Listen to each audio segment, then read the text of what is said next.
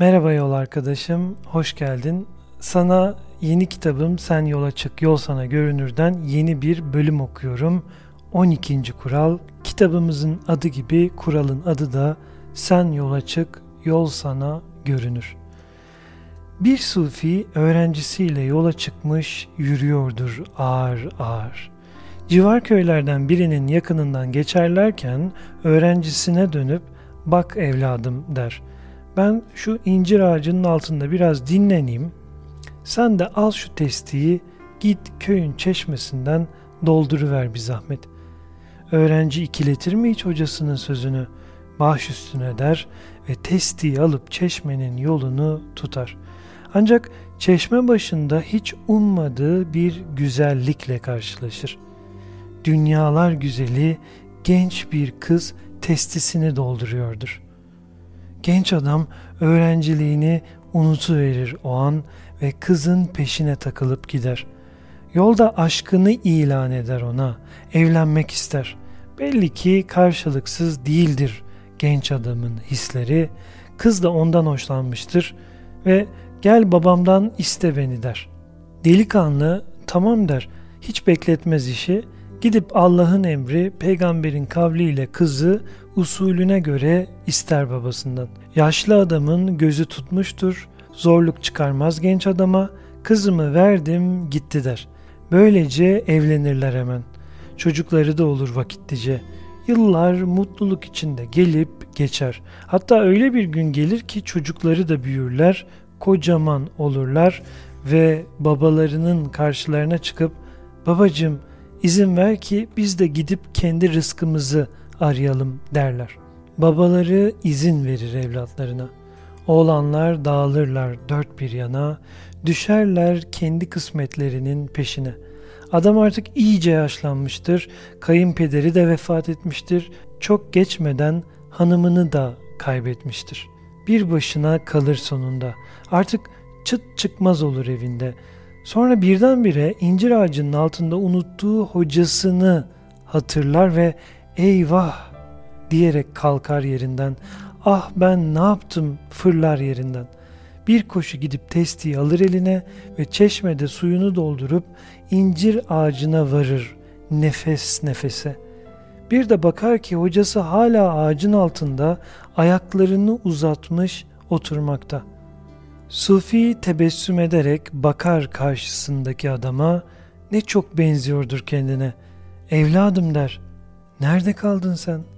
Az kalsın ben de gidecektim. Genç adamın incir ağacının altında unuttuğu kişi kendi benliğidir aslında. Hayat gayesinin peşine düşerek ihmal ettiği, ıskaladığı, varlığını tamamen unuttuğu benliği. Yunus Emre'nin bir ben vardır bende, benden içeri diye tarif ettiği o unutulmuş, ıskalanmış, haksızlık edilmiş benliklerimiz. Hayat koca bir ömür hiç hissettirmeden oyalamayı başarır.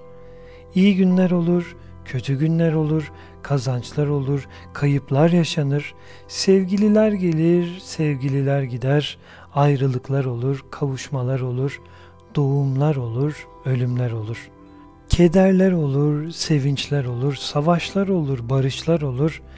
Bir an bile durmaz hayat. İnişlerle, çıkışlarla sürer gider. Çemberin içinde dönüp dururken ve daima ona buna bakarken, etrafını kollarken kendince devinip duran insan en çok da kendini unutur bu süreçte. Dünyayı tanımaya çalışmakla geçen koskoca bir ömür kendine yabancılıkla nihayet bulur. Türlü çeşitli insanlar, karakterler, deneyimler, olaylar görür, yaşar. Her birinin ne olduğunu tadar, anlar, öğrenir de bir kendini anlamamış, bilmemiş ve hiç tanımamış olur günün sonunda. Dikkat ettin mi? Hikayeye genç bir öğrenci olarak başlayan adam ancak yaşlandığında, çocukları yuvadan uçup sonunda eşini de kaybettiğinde hatırlar benliğini. İçindeki diğer insanı, içindeki çocuğu, içindeki bilgiyi, içindeki beni. Adına ne dersen de fark etmez. Sende senden gayri birinin daha olduğu muhakkaktır artık. Seni sana getirecek bir olayın yaşanmasını bekleme derim ben.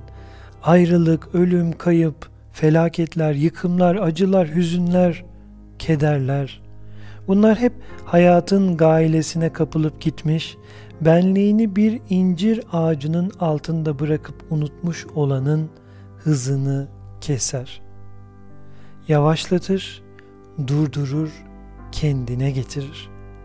Unuttuğu kendine gelmek için hep yavaşlamak zorundadır insan. Eğer sen kendin bilerek ve isteyerek yavaşlamak, içindeki senle buluşmak yoluna gitmezsen, hayat bir gün kapılıp gittiğin döngünün hızını kesecektir senin yerine. İstesen de, istemesen de yavaşlatacaktır seni. Çünkü bu aleme dünyanın hızına ve yaşam gailesine gömülüp gitmek için gelmedin. Tekamülünde içindeki seni deneyimlemek de var. Bu yolda en yakın arkadaşın önce içindeki sendir. Sonra biriktirdiğin herkes gelir yanına. Kendini hatırlamak için hayatın seni bir tecrübeyle yavaşlatıp durmasını bekleme. Mola ver, zaman tanı kendine. İhmal ettiğin seni nerede unuttuysan onu oradan almak ve yüzleşmek zorundasın.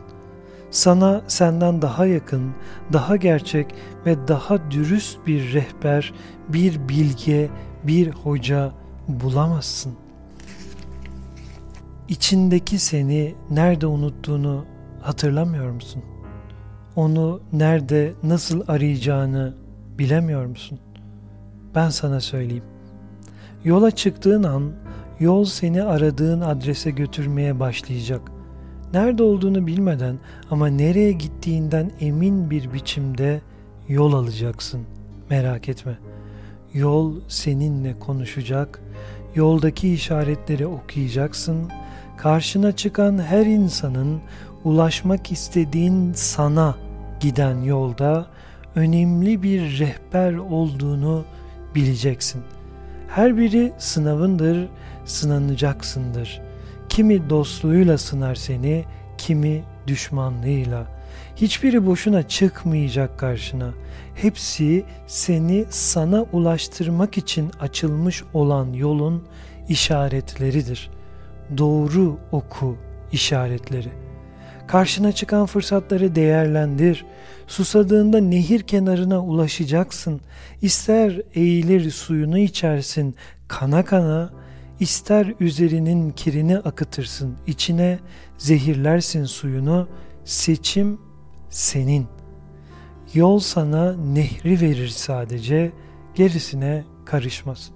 Yoluna çıkan güzellikleri fark et, sahip olduklarına şükret, şükrettikçe şükredeceğin şeyler çoğalacaktır yol boyunca. Kaybolduğun hissine kapılabilirsin korkma. Yanlış yolda olduğun düşüncesi peyda olabilir içinde sarsılma. Nereye gideceğini bilemez bir halde savrulup durma. Sonu belli olmasa da yol güvenlidir. Sen yeter ki adım at, o sana görünecektir.'' Yolun sonuna odaklı zihinlerimiz bizi yolun başında tutsak eder. Bu yüzden dünya gerçekleşmeyen hayallerin cehennemine dönüşmüştür çoğu insan için. Çünkü çoğu yolun sonunu görememekten korktuğu için yola hiç çıkmamayı tercih etmişlerdir.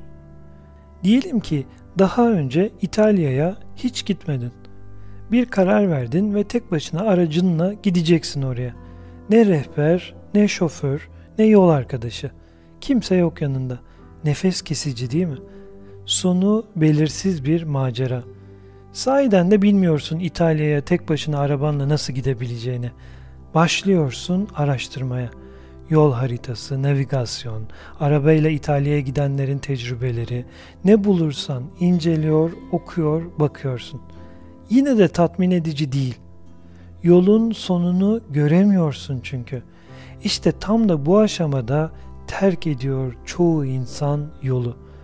Bulunduğu yerden bakıp varacağı yeri göremediğinden hiç çıkmıyor yola. Hayalinde bir yol hikayesiyle yaşıyor koca bir ömrü. Oysa ilk adımını attığında yol görünmeye başlar. Sana ne yapacağını, nasıl yapacağını söyler. Seçenekler sunar sana. Seç der. An beyan sürekli seçimler yaparak, görerek, tadarak, koklayarak kararlar alıp belki bazen yönünü bile değiştirerek ilerlersin. Belki öyle bir karar verirsin ki yol artık İtalya'ya gitsin istemiyorsundur. Rotayı çoktan başka tarafa çevirmişsindir ki yolun güzelliği de budur. Sen İtalya diye yola çıkarsın ama yolda büyür, gelişir, öğrenir, değişir ve sonunda başka duraklara uğramaya karar verirsin. Bu yüzden korkma. Nereye varacağını hesaplama. Sen yola çık, yol sana görünür zaten. Evet sevgili yol arkadaşım, bir kitap okuma videosunun daha sonuna geldik. Bu cümlelere, bu satırlara ihtiyacı olan arkadaşlarına da bu videoyu ulaştır. Çünkü iyilik ve güzellikler biz onları paylaştıkça çoğalır. Bir sonraki videomuzda görüşmek üzere. Hoşçakal, kendine çok iyi bak.